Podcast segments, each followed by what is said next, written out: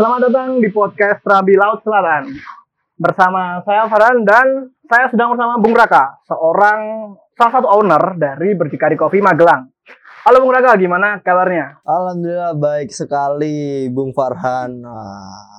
Oke, ini eh, ngomong-ngomong, Bung Raka ini adalah salah satu mahasiswa dari UPN Veteran Yogyakarta, jurusan Administrasi Bisnis ya Bung? ya 2018 lebih tepatnya. Oke, dan selain menjadi owner Berdikari Coffee, Bung Raka ini juga merupakan owner dari Sebelah Bloom yang memiliki banyak cabang di Magelang.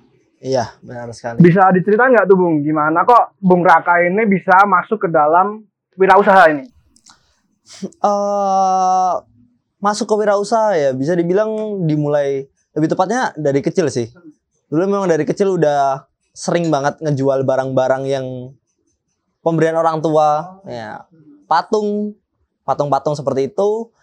Terus mulai untuk ber eh, mendalaminya lebih lanjut itu ketika SMA. SMA ya. Ya, ketika SMA bertemu salah satu teman dan kebetulan hobi. Awal mulanya itu dari hobi sih sebenarnya. Karena motivasi pertama mau berwirausaha itu dari enak nih kayaknya punya hobi yang dibayar. Dulu karena ikut pecinta alam kan. Alam, Media sial. Kan jelas tuh beli tas, beli karier, beli matras, Banyak modal. sleeping bag, terus beli tenda dan lain-lain kan. Nah dari situ mikir, kan nggak mungkin juga setiap setiap minggu atau setiap hari naik gunung kan kenapa nggak dimanfaatin ini ini barang? Nah dari situ mulailah bisnis. Eh, walaupun pasang surut eh, alhamdulillahnya pada tahun 2017 ya bulan 2017 awal bisnis pertama seblak yang bisa dibilang sampai sekarang sustain. Terus baru dilanjut sama Berdikari Coffee dan 5O Barbershop. Nah, kalau ya di balik itu banyak eh, pasang surut dari bisnis yang ya buka tutup buka tutup kayak gitu. Menarik nih, berarti dari kecil ya itu wirausaha udah terlatih dan SMA kan dulu juga ada pemuda ya kalau nggak salah. Ya, ya dulu ada pemuda itu dirintis baru di angkatan di angkatanku. Iya di angkatan Bung Raka yang pemuda itu by the way salah satu organisasi yang emang melatih kewirausahaan dari murid-murid di SMA dulu ya Bung. Iya, benar banget, benar banget. Itu jadi kayak modal sih latihan buat kita jadi wirausaha di masa depan. Iya, benar banget. Ini menarik banget nih cerita dari Bung Raka. Ngomong-ngomong tentang berdikari kopi ya, eh, kenapa sih kok bisa sampai di bisnis kopi ini? Sampai di bisnis kopi dari dulu eh, ini kembali lagi ya, lebih ke hobi tapi juga sebenarnya bukan hobi juga. Jadi dulu waktu sempat kuliah di UNES di Semarang sering nih karena nggak nyaman dengan lingkungan yang yang dimiliki eh, yang aku miliki di Semarang kan di UNES. Aku lebih memilih buat melarikan diri ke Bandung. Di Bandung eh, seringnya sama Tiko temanku. Nah Tiko ini dia emang udah kenal kopi sejak 2016 ya sejak SMA Nah dari situ setiap ke Bandung itu pasti ngopi ngopi ngopi ngopi. Dulu itu mungkin bisa dibilang tiga bulan sekali apa ya ke Bandung. Dan dari situ 2017 kan ngopi ngopi ngopi ngopi. Akhirnya tertarik nih. Waktu pindah kuliah ke Jogja ngopi lagi nih. Ngopi ngopi ngopi.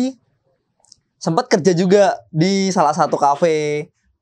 Jogja Estuary Cafe.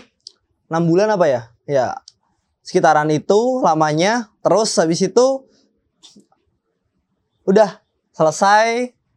Udah nggak nggak berkecimpung di dunia kopi tapi lebih menjadi penikmat kopi kan sampai akhirnya liburan tahun 2019 bingung nih.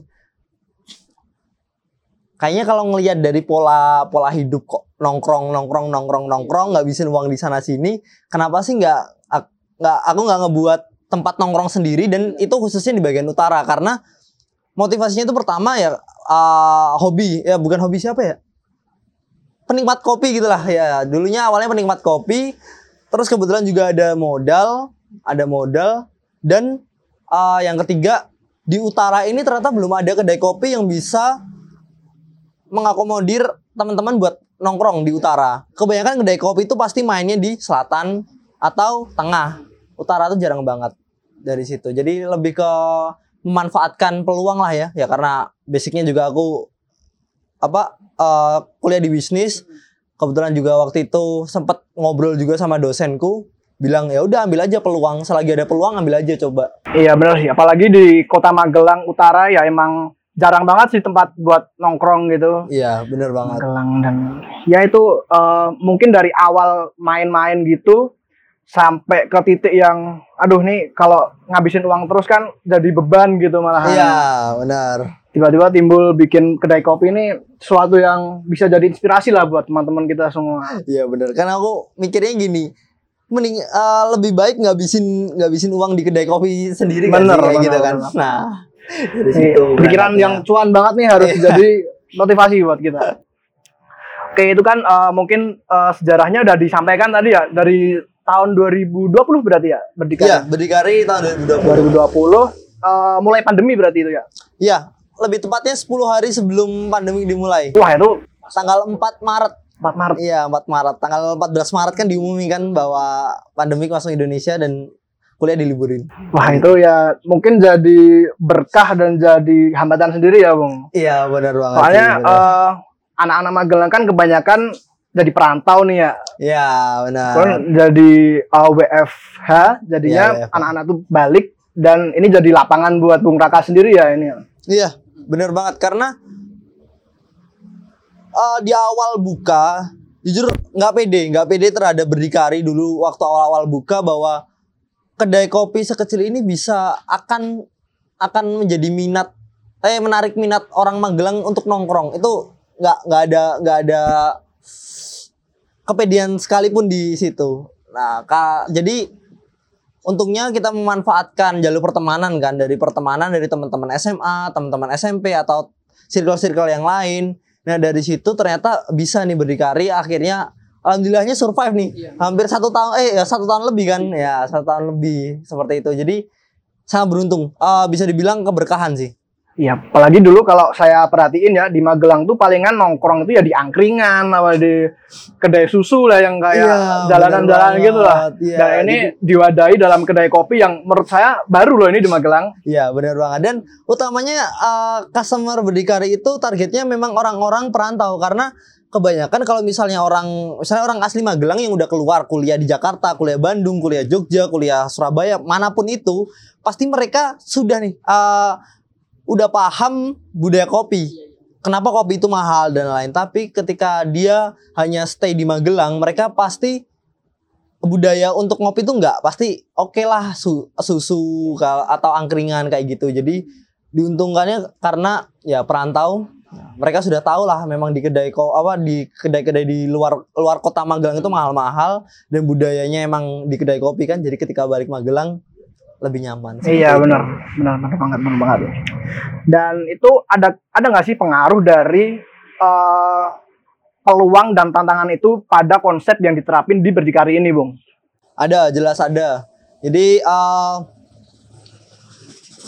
berdikari ini berdikari lokasinya kan di Magelang Utara. Itu benar-benar di ujung kota banget ya. Jauh, bisa dibilang jauh dari pasar-pasar. Kebanyakan kalau kita ngobrol sama owner-owner coffee shop di Magelang, jadi pasar tuh pasti ada di, di tengah atau selatan kayak gitu. Nah di utara ini sebagai tantangan yang sangat-sangat besar bisa dibilang karena dulu tempat eh, lokasi dari Berdikari Coffee pun sepi banget. Di sini eh, gelap, orang takut ke sini dan tantangan di situ gimana caranya menghadirkan customer dengan cara pertama kita eh, punya jelas punya value yang lebih. Kita nggak cuma jualan kopi tapi kita jual value. Value kita apa? Value kita diskusi. Dengan event apa? Berdiskusi setiap bulannya seperti itu. Terus eh, value-nya adalah eh, feels like home atau rumah atau ramah kayak gitu. Di apa diterapkannya adalah bentuk SOP kita buat SOP adalah setiap barista yang mau kerja di sini se- setelah selesai kerja ada customer satu atau dua atau rame-rame gimana caranya dari barista harus duduk bareng ngobrol berusaha berkenalan. Nah dari situ membuat nih eh, kita ngebuat circle baru yang ada di Berdikari. Dan dari situ memang eh, tumbuhnya pelan sangat-sangat telah pelan karena juga tempat dari Berdikari jujur nggak menjual Nah, nggak menjual tapi kita mencarinya value-nya dari situ seperti itu tantangannya di situ Iya sih. eh lagi pula eh, orang-orang yang ke Berdi itu kebanyakan emang ngobrolnya tuh enak gitu. Iya. Dan satu sama lain juga kebanyakan emang kenal dan Iya, benar. feels like home banget sih menurut saya Iya. di sini tuh. Dan eh, ini ada pertanyaan mengenai pandemi ya kan pandemi ini beda nggak kelar-kelar nih. Iya benar Ya, banget. Mungkin sejak berdiri ini sudah menikmati pandemi ya. Iya. seperti itu. Nih ada nggak sih cara-cara kedai ini dalam menghadapi pandemi yang nggak kelar-kelar ini, Bung? Eh caranya ya kalau kalau Magelang mungkin orangnya eh, mulai dari petugas sama dari orang-orangnya agak nggak nggak taat ya. Eh, bisa dibilang agak nggak taat ya. Jadi untuk menanganinya sebenarnya mudah. Pertama jelas kita mengikuti pasar aja, kita ngikutin promo-promo apa sih yang kira-kira bisa untuk orang-orang eh, mencegah dari pandemik ini. Biasanya delivery order, kita lebih mengutamakan GrabFood, GoFood seperti itu. Gimana caranya kita ngebuat konten-konten yang uh, menghibur lah orang-orang ketika di rumah. Jadi mereka ketika ngeliat tuh aku jadi kangen berdi. Entah mereka bakal merencanakan atau mereka akan membeli produk berdi lewat Grab atau GoFood seperti itu. Nah, terus untuk selanjutnya adalah uh, utamanya pasti di pandemi itu yang bermasalah adalah di bagian operasional ya, keuangan. Keuangan operasional itu pasti kacau. Nah, cara salah satunya itu gimana caranya owner ini bisa turun turun tangan. Jadi ketika owner turun tangan, owner ini bakal lebih tahu, oh ternyata permasalahan yang ada di store storeku tuh seperti ini. Jadi harus menghadirkan solusi yang seperti ini. Ketika cuma barista aja, promo-promo yang akan diberikan sama owner itu ya dasarnya apa? Karena dia nggak nggak ada di store seperti itu. Jadi eh, waktu itu turun turun tangan gimana kita bisa nih memanfaatkan peluang yang ada di tengah krisis gitu kan ya nah menjadi sebuah inovasi-inovasi yang bisa menghidupi berdikari Ini pandemi emang mempengaruhi banyak sektor ya, Bung. Terutama apalagi eh, sesuatu yang nggak bisa tuh lewat online gitu. Yang makan banget. langsung lah, yang kerja langsung lah itu emang susah banget sih. Dan ada nggak sih dari Bung Raka ini kiat-kiat atau pesan-pesan buat pemilik usaha dalam menghadapi pandemi ini? Oke, eh, kiat-kiat untuk menghadapi pandemi itu buat aku ada satu satu kunci yang cukup bisa dibilang cukup krusial ya. Yang pertama jelas ketika memang skalanya masih skala kecil, skala kecil itu sebisa mungkin meminimalisir pengeluaran apa pun itu. Pengeluaran apa pun itu dengan cara apa? Dengan cara si owner ini harus turun tangan. Kalau misalnya kedai kopi ya, dia harus jadi baristanya. Kalau semisal eh, jualan bakso, ya berarti si owner harus ikut jaga bakso. Kalau semisal jus, ya bagaimana si ownernya juga harus jualan jus. Seperti itu. Nah, eh, dari situ pertama ya, kita bisa melihat pelanggannya seperti apa, kondisi keuangannya seperti apa, flow-nya seperti apa, dan utamanya adalah mengurangi, mengurangi anggaran. Bisa dibilang kayak babat alas lah. Babat alas tapi di tengah-tengah operasional bisnis. Biasanya kan kalau babat alas pasti di awal kan. Nah, kalau ini di tengah-tengah kayak gitu. Kalau tips dari aku kayak gitu sih dan utamanya em, gimana pinter-pinter memanfaatkan kebutuhan membaca kebutuhan dari customer aja. Dulu berdikari nggak ada makanan. Nah, terus dalam satu eh, satu bulan ini ketika dihadirkan makanan ternyata itu bisa jujur bisa menaikkan omset 200%. Wih, Iya, seperti itu. berarti pinter-pinter baca peluang juga nih. Iya, Apalagi banget. owner turun langsung itu selain dia bisa menjaga pengeluaran dan melihat bagaimana kinerja barista-barista lain juga peluang itu penting sih. Iya, benar banget. 200% tuh gede banget sih Iya, masalahnya. iya benar banget. Mantap, mantap, mantap. Dan nih pertanyaan terakhir buat Puraka nih. Eh, ada nggak sih harapan atau eh, pesan-pesan lah buat pemerintah atau pengambil kebijakan dalam menangani pandemi ini? Oke, eh kebetulan juga orang tuaku itu adalah kesehatan ya, semuanya dari kesehatan dan sempat ngobrol-ngobrol ada sebenarnya solusi yang dari mereka pikirkan dan yang aku tangkap itu hampir sama ya. Intinya adalah